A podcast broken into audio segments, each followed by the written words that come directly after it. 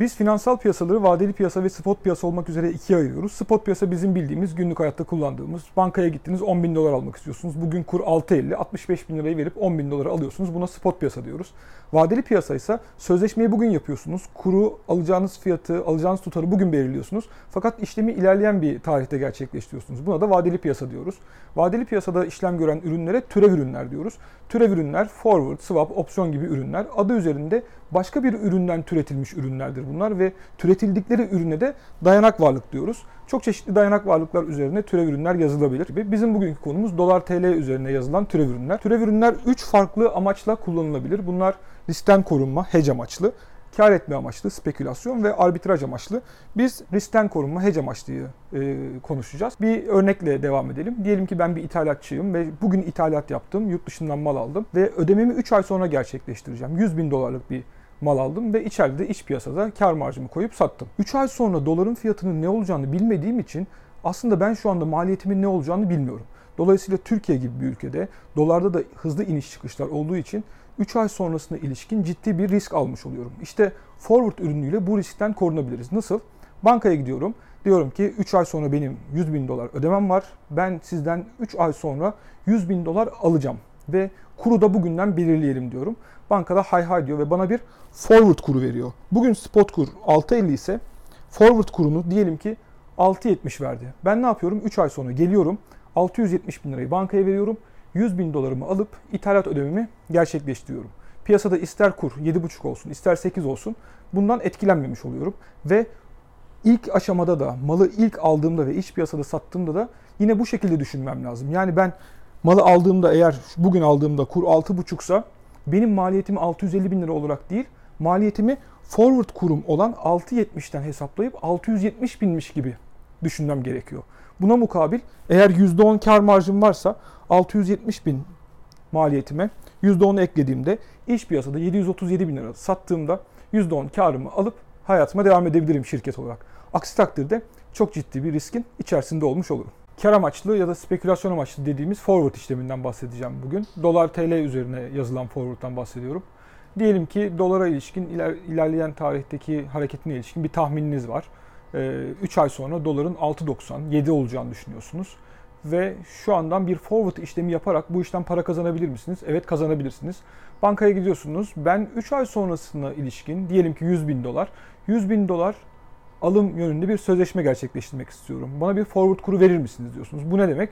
Siz şu anda belirleyeceğiniz bir kurdan 3 ay sonra 100 bin dolar alacaksınız. Bankada diyor ki size şu anda kur 6.50, forward kuru size 6.70 verebilirim. Siz de 3 ay sonra zaten 7 olacağını düşündüğünüz için buna hay hay diyorsunuz. Çünkü düşüncenize göre 3 ay sonra kur 7 olacak ve siz 6.70'ten 100 bin doları 670 bin liraya alıp piyasada 700 bin liradan satarak aradaki 30 bin liradan kar etme şansına sahipsiniz. Diğer taraftan düşüşünden para kazanabilir misiniz forward işleminde? Evet kazanabilirsiniz. Mesela spot piyasada böyle bir ihtimal yokken e, vadeli piyasada bu var. Nasıl? Düşüşüne ilişkin bir beklentiniz varsa diyelim ki bundan 3 ay sonra kurun 6.30'a gelmesini bekliyorsunuz.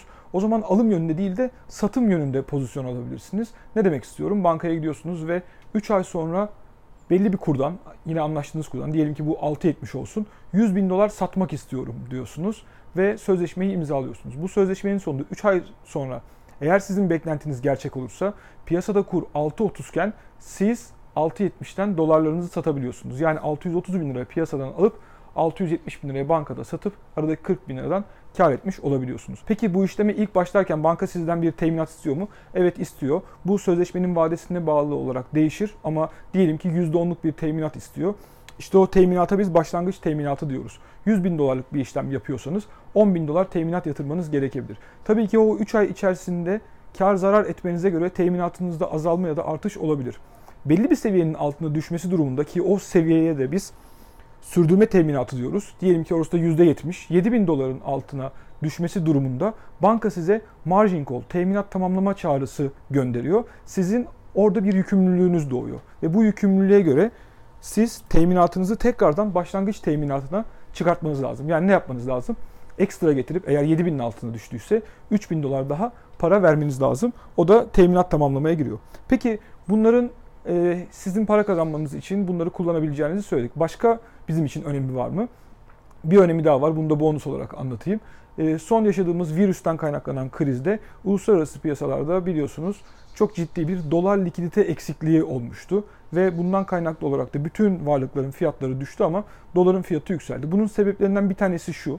Uluslararası fonlar aynen bu size anlattığım gibi spekülasyon amaçlı yani kar etme amaçlı forward işlemi gerçekleştirdiklerinde çok ciddi fiyat hareketleri olduğu için piyasada ciddi para kaybettiler. Para kaybettikleri için az önce bahsettiğim şekilde teminatları sürdürme teminatının altına düştü. Ve doğal olarak ne yapmak gerekiyor bu durumda? Yeni bir teminat yatırmaları gerekti.